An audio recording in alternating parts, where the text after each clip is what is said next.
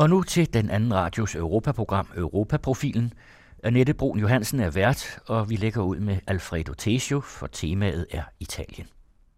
Vi har i Italien øh, uh, en million romaner, hvoraf alene i Rom er der 120-130.000, siger man. Og det er ikke altid um, uh, let for romanerne at integrere sig med italienere, fordi de er med til at skabe det, man kalder en løndumping fordi de nøjes ofte med lavere officielle lønninger og skaber forvirring i den allerede forvirrede arbejdsmarked. Og det samme sker i Syditalien med indvandrere, sæsonpræget indvandrere, der arbejder i landbruget til øh, tomatplukning og vinhøst. De har også en form for løndumping, som ingen kan kontrollere i Italien. Der er mange negative øh, fænomener i Italien. Og det skaber også, det, det derfor, at mange unge italienere at bliver nødt til at udvandre i Italien. Vi har nu flere italienere, der udvandrer end immigranter fra både EU-lande og ikke-EU-lande, der indvandrer i Italien.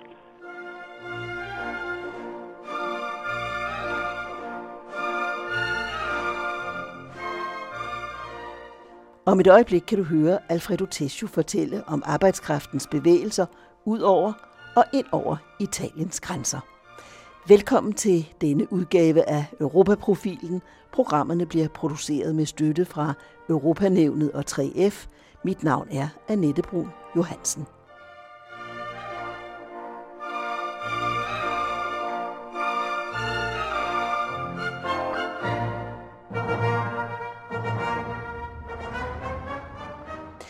Her i efteråret sætter vi fokus på en af hovedhjørnestenene i EU-samarbejdet, nemlig retten til fri bevægelighed, retten til at arbejde, studere, opholde sig i et hvilket som helst land inden for fællesskabet.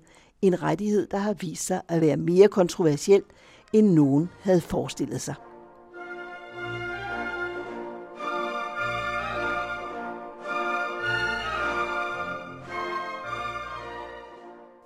I kølvandet på diskussionerne om arbejdskraftens fri bevægelighed i Europa bliver kædeansvar nævnt som et muligt værn mod social dumping og unfair konkurrence. Hør journalist og kommentator Ove Weiss analyse sidst i programmet. Men først til Jørgen Johansens samtale med journalist og Italiens ekspert Alfredo Tessio. Jeg vil sige, at denne konflikt sammen med andre øh, relevante faktorer er faktisk stoppet udviklingen inden for det italienske arbejdsmarked. Og ikke sådan at forstå, at italienerne er, har tilbudt arbejde, altså arbejdstilbud overdået. Det er stik modsat. Fordi ledigheden stiger konstant og svarer i dag til øh, 12,6 procent. Og ledigheden blandt de unge er ret ikke sige dramatisk, men tragisk, fordi vi taler om 43 procent arbejdsløshed blandt de unge op til 35 år.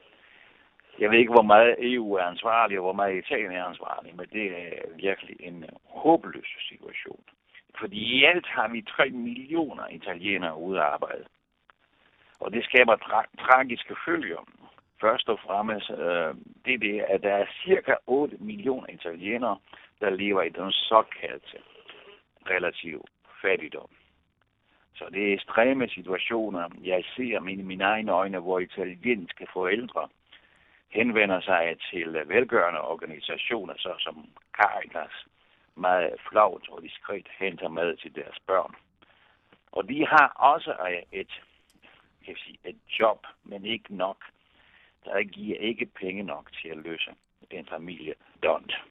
Det med Caritas, der indtil for kort tid siden var begrænset til øh, fattige indvandrere, men som nu rammer også italienere. Kommer der mange arbejdere fra andre EU-lande, som er med til at okkupere jobbene? Der kommer mange fra andre EU-lande, men der kommer også mange fra andre ikke-EU-lande. Dem fra EU-lande, det er for det meste rumænerne. Vi har i Italien øh, en land million rumæner, hvoraf alene i Rom er der 120-130.000, siger man.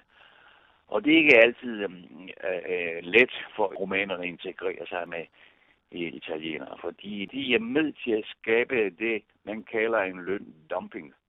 Fordi de nøjes ofte med lavere officielle lønninger og skaber forvirring i den allerede forvirrede arbejdsmarked. Og det samme sker i Syditalien med indvandrere, sæsonprægede indvandrere, der arbejder i landbruget til øh, tomatplukken og vinhøst. De har også en form for løndumping, som ingen kan kontrollere i Italien. Der er mange negative øh, fænomener i Italien. Og det skaber også, det, det derfor, at mange unge italienere bliver nødt til at udvandre i Italien. Vi har nu flere italienere, der udvandrer end immigranter fra både EU-lande og ikke-EU-lande, der indvandrer i Italien. Og det er ikke de fattige italienere, der udvandrer, som man gjorde i forrige århundrede, også i begyndelsen af det århundrede. Fordi det er veluddannede italienere, der har akademiske titler, der nu rejser til England, Tyskland, Frankrig og Spanien. Og det er meget stupidt af Italien at investere i unge, der så er helt færdige og klar til flotte jobs, flytter til England for eksempel. Og i England køber disse unge akademikere for ingenting. Vi regner med, at en akademiker, en ung italiener, har fået en flot studietitel som ingeniør eller fysiker, koster landet 150.000 euro. Og de køber, de andre lande køber dem gratis. Jeg har personlige eksempler, jeg kan bevise. Så det vil sige, at spørgsmålet om arbejdskraftens frie bevægelighed, det får i virkeligheden især den negative konsekvens for Italien, at der er mange italienere, der flytter til andre EU-lande. Præcis. Der er mange italienere. Men som sagt, det er både italienere uden specifik øh, uddannelse. Men som sagt, det, de fleste har en uddannelse eller en universitetsuddannelse, dem der flytter til andre EU-lande. Jeg har et eksempel på en unge fysiker, en øh, pige fra Rom, som fik alle mulige, havde med alle mulige priser og, øh, og belønnelser fra den italienske stat. Men det eneste, hun blev tilbudt, det var et fjerderangs kategori job på universitet til meget, meget, meget lav løn, som ikke engang betalte til rejseudgifter. Og det opdagede Universitetet i Edinburgh i Skotland, og hun fik et stipendium med det samme og hun, hun arbejder der. Det er bare et eksempel på, hvor dumt italienerne kan gøre det sådan. Er det noget, man diskuterer? Det, det bliver diskuteret, men øh, sådan noget drukner i den generelle diskussion, hvor der er mange andre situationer, som er meget mere dramatiske. Så det vil sige, at der er sådan set både et øh, problem i forbindelse med dem, der udvandrer fra Italien til andre EU-lande, og så er der et problem med dem, der indvandrer til Italien for at arbejde til, ja, måske lave lønninger der? Ja, det er et dobbelt problem, som er meget svært at løse. Fordi hvis vi sammenligner med andre nordiske effektive lande, så kan man løse både problemerne med faste regler og tillæmpe organisationerne øh, løsning af problemerne og give nogle faste regler. De italienske institutioner er ikke i stand til at kontrollere det, disse fænomener. Det er det der ikke. Navnlig i Syditalien. Når der kommer indvandrere fra Nordafrika, eller også fra Rumænien, så er det svært, meget svært at kontrollere. Hvis der er nogen, der ikke følger reglerne, ikke betaler de rigtige lønninger og underbetaler og udnytter folk, det er på bekostning af de italienere, der vil arbejde ifølge reglerne. Men det er meget svært. Det er meget svært jeg er altså lidt pessimistisk, må jeg sige. Men hvem tager problemet op? Altså, hvem byder øh, ind med nogle øh, forslag til løsninger på det? Altså, hvad er det for partier? Hvad er det for grupperinger? Partierne har deres egne løsninger. Øh, Fagorganisationer har også deres egne løsninger. Og i, i mange tilfælde bliver de løst i mellem Italien og i Norditalien hvor øh, organisation, altså LO og arbejdsgiver er fornuftige nok til at finde en løsning. Men i andre situationer og i andre regioner er det meget svært. Og selvom man opnår en formel aftale, så er der altid nogle smarte arbejdsgiver, der går udenom og finder på sin egen løsning. Men det er så på mange måder en italiensk problemstilling. Hvor meget spiller det ind på synet på EU, at Italien har sådan nogle problemer? Jeg er ikke helt klar om EU-kommissionen ved, hvad det foregår i Italien i. Fordi man er meget øh, stiv i reglerne i Bruxelles. Man kender ikke den øh, såkaldt positiv og negativ fleksibilitet, man har i Italien. Det er svært at følge EU-befalinger her i Italien. Og selvom man gør det, så er det ofte på formalt plan, og når det kommer til stykker på det praktiske plan, er helt anderledes. Der er en, en meget øh, øh skrømmelig situation i Italien, hvor institutionerne ikke kan arbejde, fordi borgerne, også de menige borgere, er lidt skeptiske over det hele. Vil det sige, at der er, at der er en stemning, som siger, at det er også EU's skyld, eller siger man, det er også vores egen skyld, at vi ikke kan få det her til at fungere?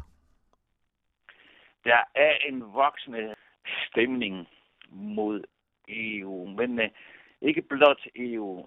Jeg vil sige, det er meget fokuseret på visse lande i EU, og navnlig Tyskland. Fordi selv økonomerne med de flotteste uddannelser og, og teorier peger på Tyskland som ansvarlig for denne situation, fordi den er for stiv og for rigid, og de vil ikke have nye investeringer, som kunne hjælpe i Italien. Det er kun nye investeringer. Men kan man investere i Italien, lyder spørgsmålet, når situationen er så uklar? Hvis man investerer i Italien, kan man så ansætte folk og øh, ikke have lov til at fyre, hvis de ikke dur, hvis de ikke gør deres arbejde. Det er sådan en lille ond cirkel her i Italien. Så nu håber vi, at den arbejdsreform, som er diskuteres lige nu i parlamentet, kan give øh, en fri bane og øh, bare en start for ny udvikling.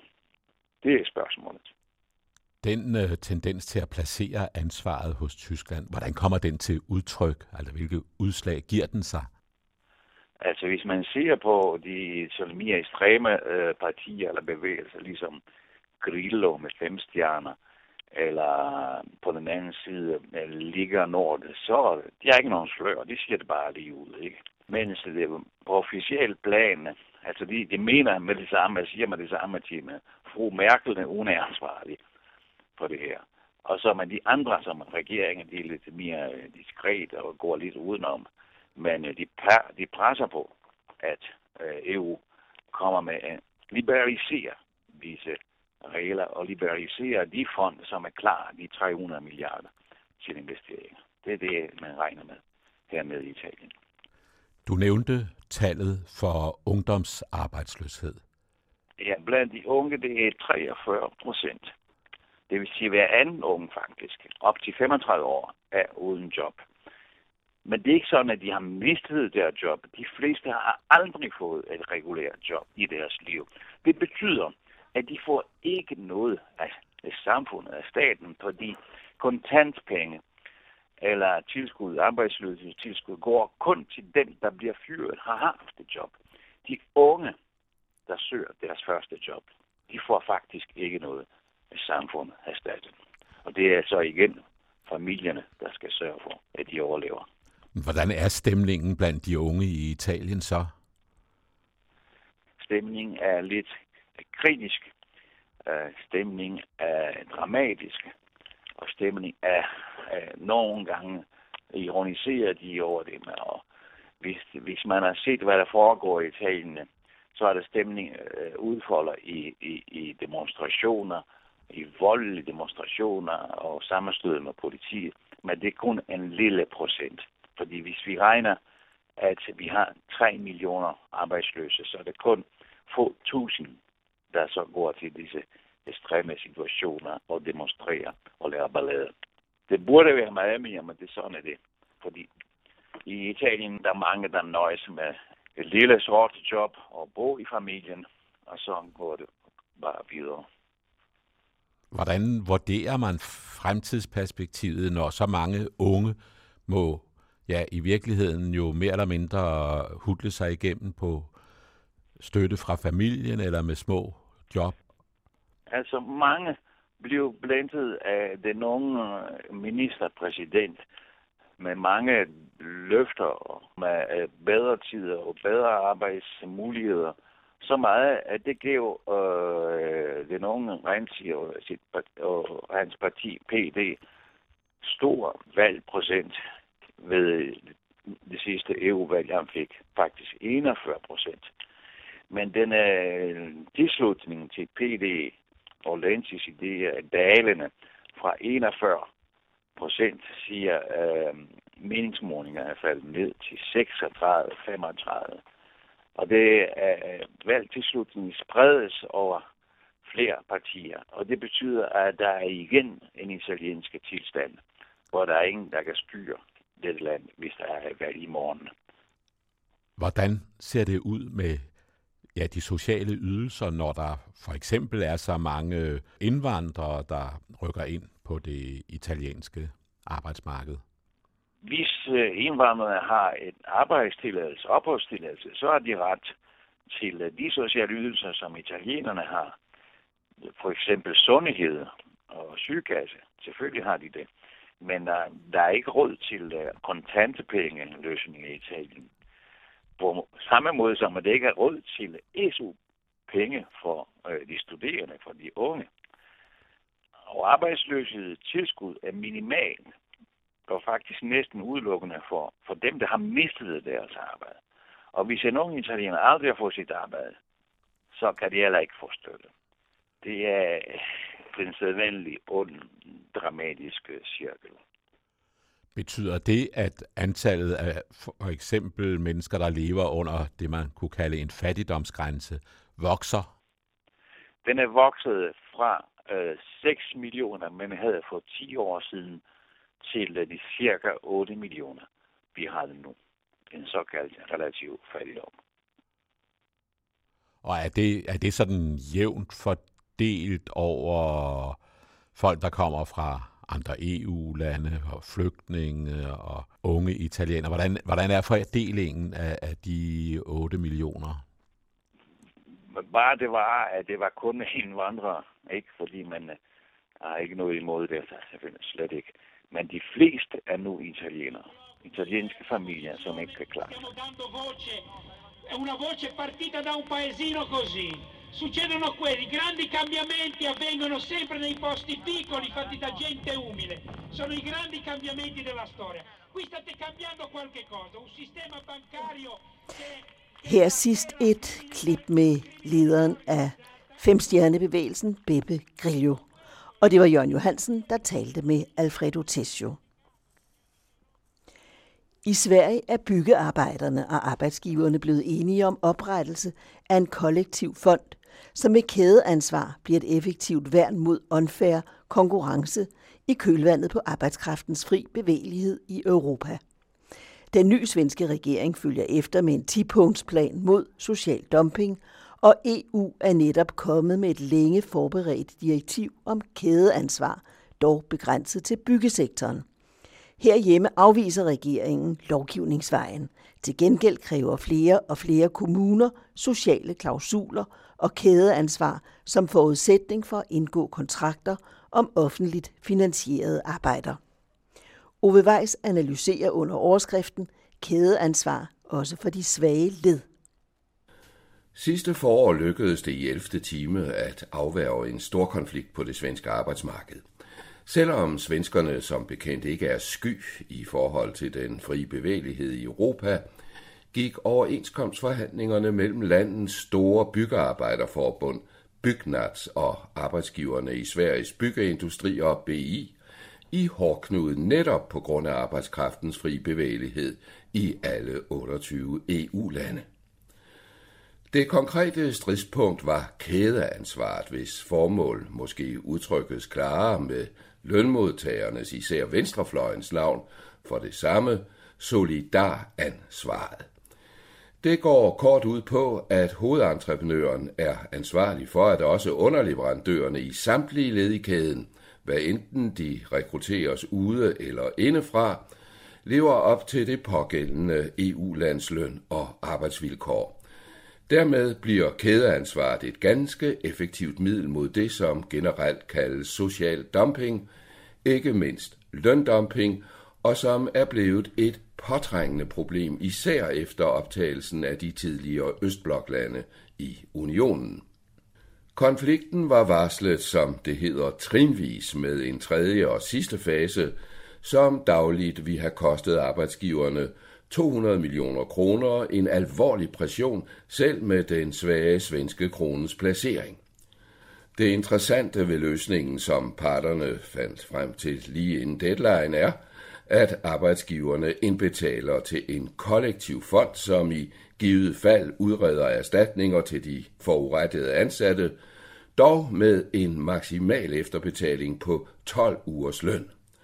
Den enkelte hovedarbejdsgiver, som måske af forskellige grunde er ført bag lyset af underentreprenøren, står altså ikke alene med ansvaret og erstatningen. Selve princippet kan sammenlignes med den danske lønmodtagernes garantifond. I aftalen indgår også forpligtelser af mere teknisk art. For eksempel skal hovedentreprenøren fremlægge lister over samtlige underentreprenører på byggearbejdspladserne, senest fire dage efter, at fagforeningerne har krævet det. Hvis aftalen brydes, kan sagen indbringes for et nævn, hvor begge parter er repræsenteret sammen med en uvildig opmand. Men aftalen på det svenske arbejdsmarked fik også et politisk perspektiv langt bredere end da, fordi aftalen omfatter alle brancher og ikke alene byggesektoren, selvom den branche i de gamle EU-lande, inklusiv Danmark, er den mest udsatte for social dumping og dermed unfair konkurrence også for arbejdsgiverne. Den nye socialdemokratiske statsminister Stefan Löfven var indtil sidste årsskifte formand for de svenske metalarbejdere. Også af den grund var det ventet, at kampen mod social dumping ville blive et af hovedtemaerne i den svenske valgkamp op til rigsdagsvalget og i øvrigt også lokalvalgene 14. september. Dertil kom presset fra Dansk Folkepartis søsterparti, det fremmede kritiske, nogen siger fremmede fjendske, Sverigedemokraterne, som ved valget fordoblede sit mandattal til 49. Frygten for og harmen over, at underbetalt især østeuropæisk arbejdskraft kan snuppe jobbene for næsen af landenes egne organiserede arbejdere, er udbredt, og de svenske sosser lancerede der også i valgkampen en 10-punkts plan mod social dumping, hvor det syvende punkt omhandler kædeansvar med følgende formulering. Citat. Mulighed for med strafansvar at gøre hovedentreprenørerne ansvarlige for, at underleverandører betaler løn efter overenskomster, følger skattelovgivningen og betaler arbejdsgiver afgifter. Citat slut. Men Løfven-regeringens parlamentariske grundlag af Socialdemokraterne, Miljøpartiet og Venstrepartiet har kun 158 mandater, og 175 er nødvendige for flertal i rigsdagen. Så hvis kravet om blandt andet kædeansvar skal indfries, kræver det enten opbrud blandt de borgerlige 142 mandater eller tilslutning under afstemningen fra Sverigedemokraterne. Forhåndsaftaler med det parti er, ligesom tilfældet var under konservative Frederik Reinfeldts firepartiregering, ikke muligt efter både rød og blå bloks kategoriske afvisning af et hvert samarbejde med SD som partiet forkortes. Det kan ikke udelukkes, at moderaterne, for eksempel inspireret af netop byggeindustriens accept i foråret af den kollektive fond til fordeling af hovedentreprenørernes ansvar for underleverandørerne, bløder op i spørgsmålet. Sådan vurderes det i hvert fald af flere kilder. Og umiddelbart skulle Sverigedemokraterne, som har stemt for 90 procent af den tidligere regerings lovforslag, se en interesse i, som det udtrykkes, national beskyttelse af det svenske arbejdsmarked, men usikkerheden om forslagets muligheder er stor. Herhjemme er udsigterne endnu ringere, fordi Centrum-Venstre-regeringen på forlangende af radikale venstre afviser lovgivning om kædeansvar til trods for, at dens afgørende parlamentariske støtte enhedslisten har krævet det gennem flere år, også selvom SF, efter at have forladt regeringsansvarets tyngende å, tilslutter sig kravet. Til gengæld melder Dansk Folkeparti sig ikke overraskende klar til tjeneste. Men tjenestvilligheden vækker skepsis. Kan vi regne med dig, Christian? Er du til noget? spurgte 3F's formand Per Christensen, da han på sommerens folkemøde på Bornholm mødte DF's formand Christian Thulesen Dahl. Selv ser fagbevægelsen helst kædeansvaret og andre midler mod social dumping forhandlet ind i overenskomsterne, så skiftende regering ikke efter for godt befindende kan ændre grundlaget. Men Tulsendal var straks reddet til lovgivning, dog uden at tilføje, at han og hans parti stemte imod forslaget, da Socialdemokraterne og SF fremsatte det kort før regeringsskiftet i 2011. Derfor anser fagbevægelsen DF's tilsavn som politisk spin med henvisning til flere andre arbejdsmarkedspolitiske krumspring, blandt andet halveringen af dagpengeperioden og fordoblingen af genoptjeningsperioden, som Dansk Folkeparti i 2010 var arkitekten bag, men som partiet i dag uden omkostninger ønsker at rette op på sammen med venstrefløjspartierne. Men først og fremmest begrunder ikke mindst 3F sin skepsis med Dansk Folkepartis ageren op til EU-parlamentsvalget den 25. maj i år. Lørdag den 3. maj talte partiets spidskandidat Morten Messerschmidt ved en faglig demonstration på Christiansborg Slotsplads mod social dumping. Men i januar stemte Messerschmidt blankt i EU-parlamentet til det såkaldte udbudsdirektiv, som gør det muligt for stat og kommuner at stille krav om kædeansvar i offentlige kontrakter. Og i april var han slet ikke til stede, da parlamentet skulle stemme om det håndhævelsesdirektiv, som regulerer medlemslandenes muligheder for at bekæmpe social dumping. Men Netop nu kommer EU så efter års forberedelse med et direktiv om kædeansvar, dog med den begrænsning, at det alene omfatter byggesektoren. I Danmark er det trods alt ganske effektivt, fordi byggeriet tegner sig for omkring 80 procent af problemerne med social dumping.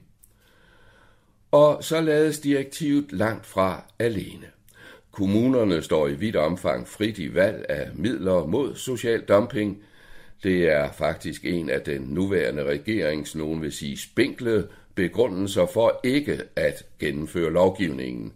Da statsminister Helle thorning Schmidt sidste år i Folketingets spørgetid blev konfronteret med den tidligere ordfører Henrik Sass Larsens løfte om kædeansvar ved lov, svarede hun, citat, det må være op til kommunerne selv. Over 2.000 kommunale kandidater sad ikke budskabet overhørigt, da de gik til valg for et års tid siden, og flere steder er der sat handling bag ordene. Samtlige kommuner på Fyn har for eksempel vedtaget fælles retningslinjer for arbejdsklausuler og kædeansvar. Fyn skal fremover være lukket land for offentligt finansieret løndumping, hedder det i en udtalelse. Og Odenses borgmester Anker Bøje sagde ved samme lejlighed til Avisen.dk, nu er reglerne ens for alle, der byder ind på opgaver på det fynske land. På den måde minimerer vi byråkratiet og undgår, at virksomhederne kommer galt afsted. Om det så er nok til at berolige arbejdsgiverne er en anden sag. For eksempel lyder det fra arbejdsgiverorganisationen Dansk Byggeri, Kædeansvaret kommer jo ikke kun til at gælde for udenlandske underentreprenører, men i alle entrepriseforhold. Det vil være dybt besværligt og reelt betyde, at hovedentreprenøren skal overtage underentreprenørens bogholderi, det vil vi ikke være med til. Men hvem ved, måske lader arbejdsgiverne i dansk byggeri sig påvirke af kollegerne i Sveriges byggeindustrier, der som nævnt i foråret blev overbevist af en kollektiv fond, som forhindrer, at den enkelte arbejdsgiver står ene og forladt med hele kædeansvaret på sine skuldre. Du hørte Ove Weiss. Europaprofilen bliver produceret med støtte fra Europanævnet og 3F. Mit navn er Annette Brun Johansen.